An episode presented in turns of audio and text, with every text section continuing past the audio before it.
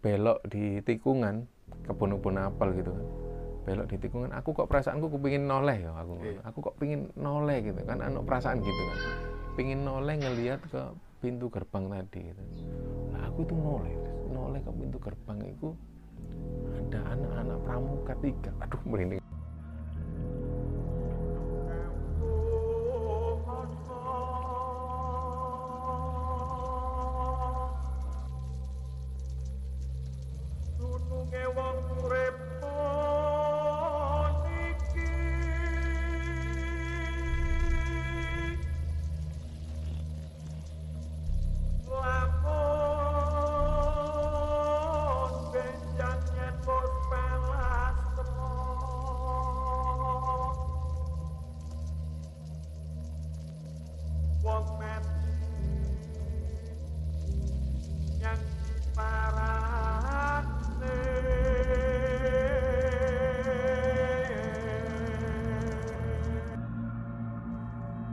Jadi ceritanya gini. Aku masih ingat itu tahun 2006 kok. Tahun 2006 jadi yo 14 tahun yang lalu lah kira-kira. Jadi waktu itu teman-temanku SMA itu pengen reuni kecil-kecilan. Ayo camping-camping yuk, gitu. camping-camping lagi yuk. Jadi kami langsung ngubung-ngubungi kan, saling ngubung ayo. Ternyata antusiasnya lumayan, ada sekitar 10 orang kan yang pengen ikut. 10 orang pengen ikut. Ternyata di hari H yang cuma ikut itu cuma empat orang gitu. Jadi ini pakai nama samaran ya, Tris.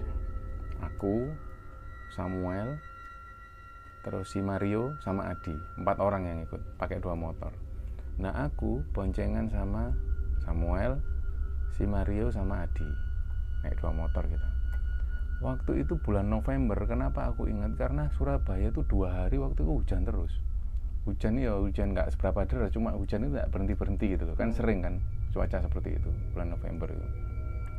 Wes kita sepakat berangkat sekitar habis isak jam 7 kita berangkat pelan-pelan gitu kan. Belum nyampe keluar kota Surabaya, itu bannya yang di ban motor yang ditumpangi si Mario sama Adi bocor. Jelek bocor wae, berhenti berhenti sih. Oke, tempel ban dulu.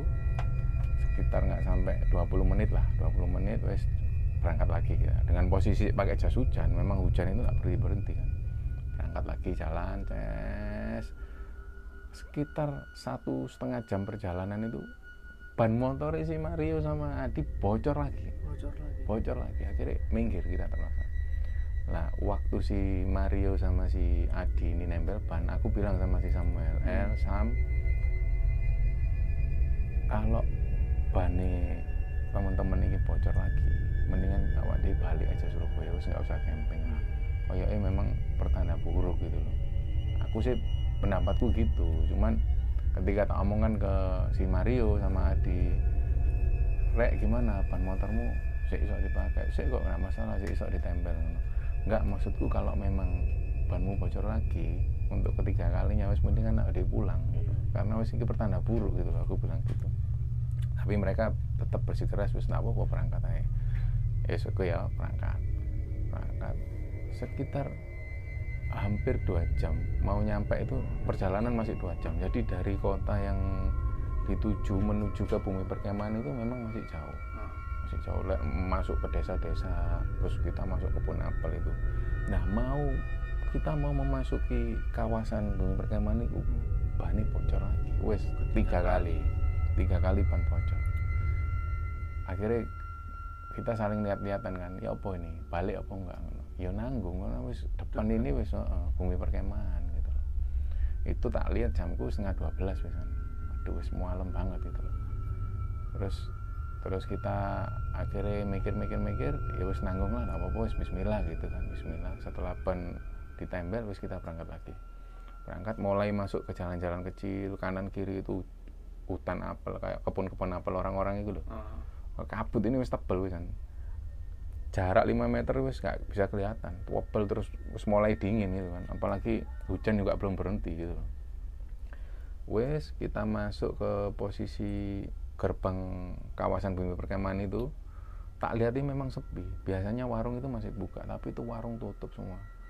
Tutup sepi terus pos yang jaga itu juga nggak ada orang gitu loh. Terus aku bilang ke teman-teman wis ayo nak apa terus terus terus. Memang ada jalan masuk kecil gitu sebelah gerbang itu ada jalan masuk kecil cukup untuk satu motor gitu. Tak lihat toleh kanan kiri wis kabut wobel kan. Gelap di depan itu gelap. Hutan-hutan tak lihat.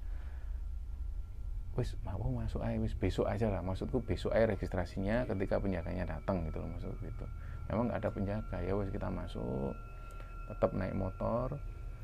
Jadi di bumi perkemahan ini dibagi ground-ground. Ada ground A, ground B, ground C, ground D. Lah aku itu paling seneng yang deket sungai gitu loh.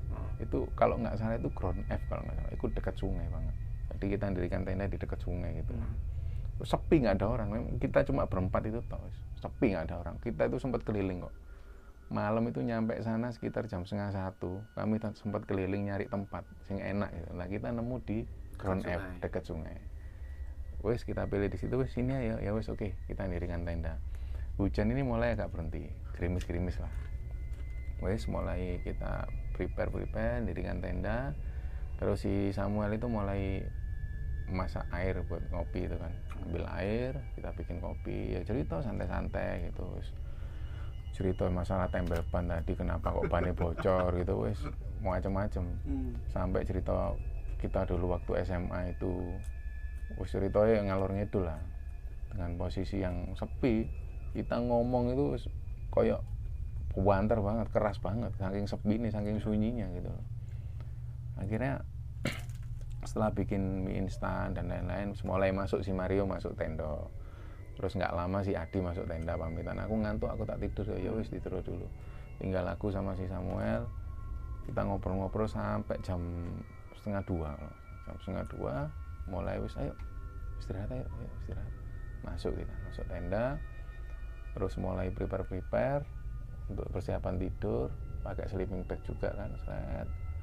terus aku itu sambil ngawasi motor gitu kan tak awasi motor. Karena motor kan parkir pas di depan tenda gitu. Iya. pas di depan tenda sambil tak nengok ke luar gitu lihat motor wis aman. Karena memang nggak ada orang wis. Memang yang ada di perkemahan cuma empat orang itu toh satu tenda kan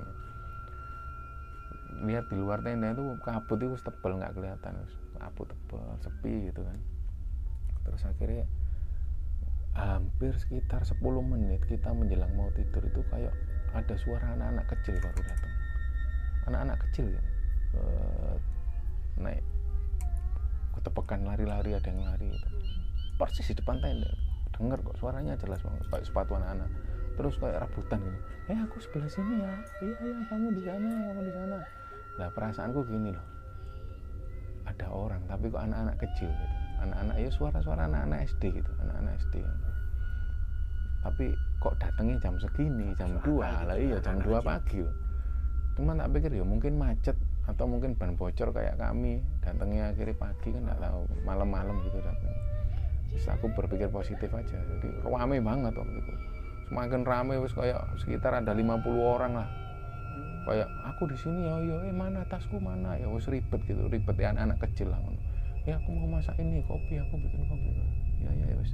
Tak biarin ya mungkin mereka ngecamp di depan tenda aku gitu. depan tenda ya wis.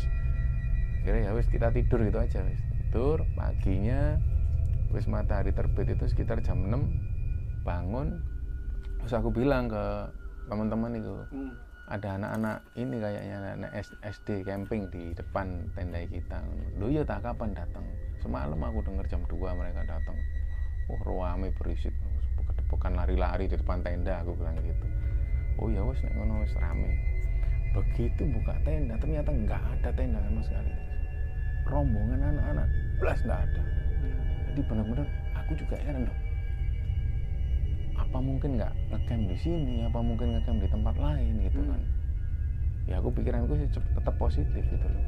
Cuman aku yakin jam 2 yang tak dengar kemarin itu Samuel juga dengar karena Samuel belum tidur. Kan ada anak-anak iya mungkin ya karena ground yang kita tempati memang paling besar di situ karena Iya. ada ke sungai kan favorit gitu loh. Aku pikir ya pikiranku positif ya ini anak-anak lagi ngecamp gitu anak-anak SD atau pramuka nggak tahu lah kok tiba-tiba jelala pagi itu kami lihat nggak ada tenda sama sekali. Bekas-bekas apa itu loh ada. bekas apa? Misalnya anak-anak sering buang sampah kan sembarangan nggak ada sama sekali gitu. Aku tetap pikiran positif ya wis lah. Ya pagi itu kami jalan-jalan Hmm. ke hutan keliling-keliling bumi perkemahan sepi. Nggak ada sama sekali ada orang ngecamp satu pun nggak ada. Anak SD yang kemarin tak dengar itu nggak ono gitu. Lo ke mana gitu? Pertanyaan kan gitu sampai aku ini dibilang sama si Mario kamu paling ngigau. anu ngimpi ngono. enggak kalau memang aku ngimpi kan aku tok. Hmm. lah ini si Samuel juga dengar gitu. Masalahnya si Samuel dengar saksi matanya. Iya kan El, kemarin kan kamu dengar kan? Iya kok. Persis di depan tenda itu anak-anak kedepekan kedepekan gitu. Terus rebutan makanan. Kayak gitu itu persis wis keriuannya anak kecil yang lagi ngecamp gitu. Nggak lama kita balik tenda begitu balik tenda itu ada dua petugas naik motor trail Hmm. dua petugas perhutani berdiri di depan tenda kita kayak nyari orangnya begitu. Lo ini mas mas ini mas manggil kami kan. Hmm. ini pak kenapa pak? Sampai dari mana? Rombongan dari mana? Dari Surabaya pak. Berapa orang? Empat orang. Kok bisa sampai ngecamp di sini? Iya pak. Tak jelaskan. Kemarin kami itu datangnya malam sekali jam 12 terus kemarin lihat pintu gerbang kok tutup portalnya ya kami lihat yang jalan kecil itu. Lihat pos kok juga nggak ada orang yang jaga gitu. Iya. semua warung sepi gitu kan aku bilang gitu. Lu ya jelas sepi mas. Ini bumi perkemahan lagi ditutup gitu. Ini lagi ada musibah. Sama nggak tahu tadi depan itu ditutup portal besar terus ada tulisan. Lu nggak tahu pak. Nggak ada pak. Nggak mungkin. Sama itu ilegal sama itu. Ini udah tujuh hari ditutup ngomong. Lu kenapa pak? ngono Wes saya ikut ke pos aja dulu mas Emang ini tenda diberesi sama ikut ke pos sekarang ikut ke pos kami nanti tak jelasin di sana Hmm. Adios kita tanpa banyak tanya kan karena petugas ini marah-marah dua orang Baik, itu semua. Wes mas sampai tak tunggu di pos ya Dek, naik trail mereka Hmm.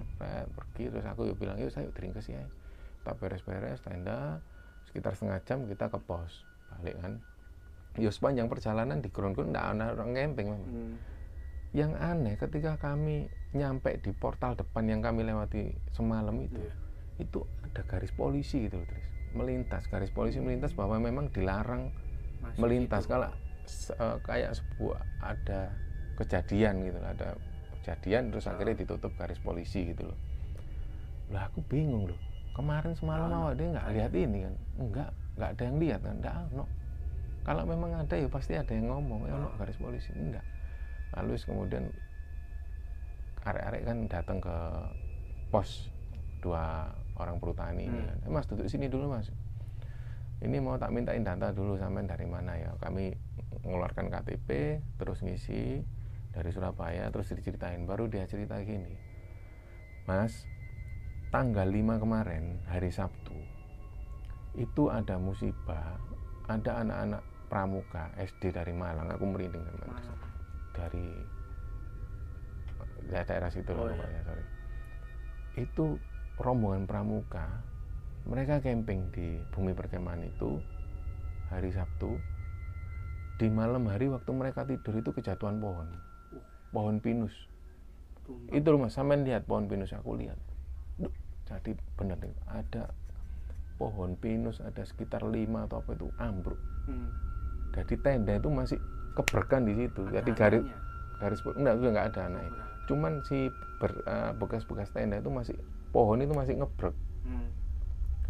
ini mas seminggu lagi ini ada penebangan karena ini pohon-pohon yang rapuh ini karena yang ngebrei anak-anak pramuka itu itu karena pohon-pohon pinusnya sudah rapuh Hmm. Gitu kami sama warga sama pihak perhutani punya inisiatif untuk menebang pohon yang sudah tua gitu. Iya. Kejadian itu yang akhirnya menyebabkan bumi perkemahan ini ditutup. Pertanyaannya sampean kok bisa masuk? Kan sudah ditutup rapat. Sampean lewat mana? Saya lewat sini, Pak. Begitu saya nuding, saya lewat sini loh. Yang itu benar-benar ditutup kayak di portal paku-paku gitu loh. Pertanyaan loh kok bisa lewat gitu loh. Dan nggak ada bekas sama sekali, memang ditutup, guys. Wah, aku langsung ya Allah, ini kejadian opo? Iya. Terus aku cerita, Pak, mohon maaf ya Pak ya. Semalam itu kami datang jam 12 dan mau tidur jam 2 pagi itu kami itu dengar rombongan anak-anak SD yang baru datang. Hmm. Mas, sampean jangan bercanda Mas. Enggak Pak, serius Pak. Sampean sebelumnya tahu ada musibah ini? Enggak tahu Pak. Ya, saya, kami ini tahu dari Bapak. Apa mungkin itu anak-anak SD yang pramuka itu waduh mas mas nggak tahu mas sampean aneh-aneh itu bener pak saya nggak bohong pak ngapain saya bohong? Kami ini dari jauh dari Surabaya. Hmm. perjalanan ke sini ini kami bocor ban itu hampir tiga kali. Gitu loh. Makanya itu entah pertanda entah apa gitu. Udah mas yang jelas kemarin itu hujan lebat di sini. Ada anak-anak pramuka yang memutuskan camping di sini dan waktu tidur mereka keberan pohon mati di tempat. Ada tiga orang. Tiga orang. baru dimakamkan sorenya. Ini hari ketujuh sudah tujuh hari ini bumi perkemahan ini ditutup untuk umum tutup total. Nggak ada yang berani ngecamp. Gitu loh. Makanya kenapa kami marah sama sampean-sampean ini? Karena sampean ini ngelanggar gitu dan kok bisa masuk gitu. kami sendiri juga nggak tahu bang. Ya wes lah ini wes udah ini nggak usah terlalu diurus diperpanjang.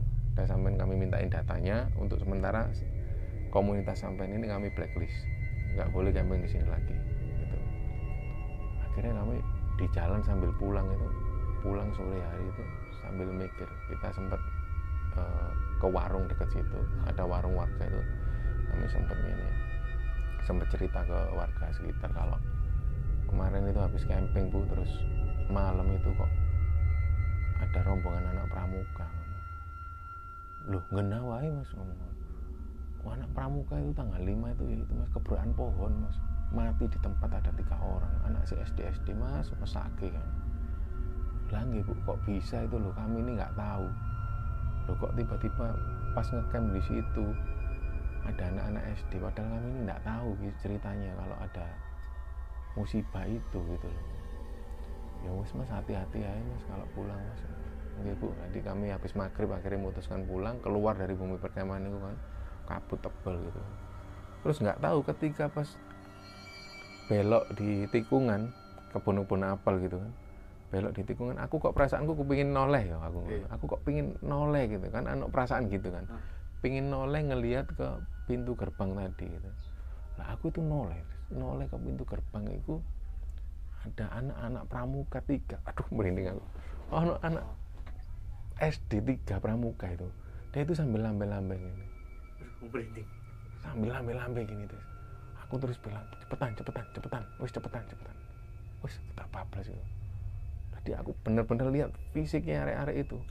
Ada tiga anak pramuka wis begini sampai lengkap pakaian pramuka lengkap pakai topi pramuka itu loh. Berdiri di atas di depan pintu gerbang wing perkemahan sambil dada-dada gitu kayak ya hati-hati mas. Kayak ngono aku. Cepetan cepetan. Baru nyampe pom bensin aku cerita ke arek-arek. Wah rasanya lemes aku kenapa aku dilihatin anak tiga anak pramuka kecil-kecil anak cowok-cowok semua. Kok aku yakin aku korbannya gitu loh. Nah itu. Wih, semenjak itu semenjak tahun 2006 itu aku nggak pernah ke bumi perkemahan itu. Kalau aku pengen camping mesti nggak pernah ke situ. Karena aku trauma banget. Kejadian itu melekat banget sampai sekarang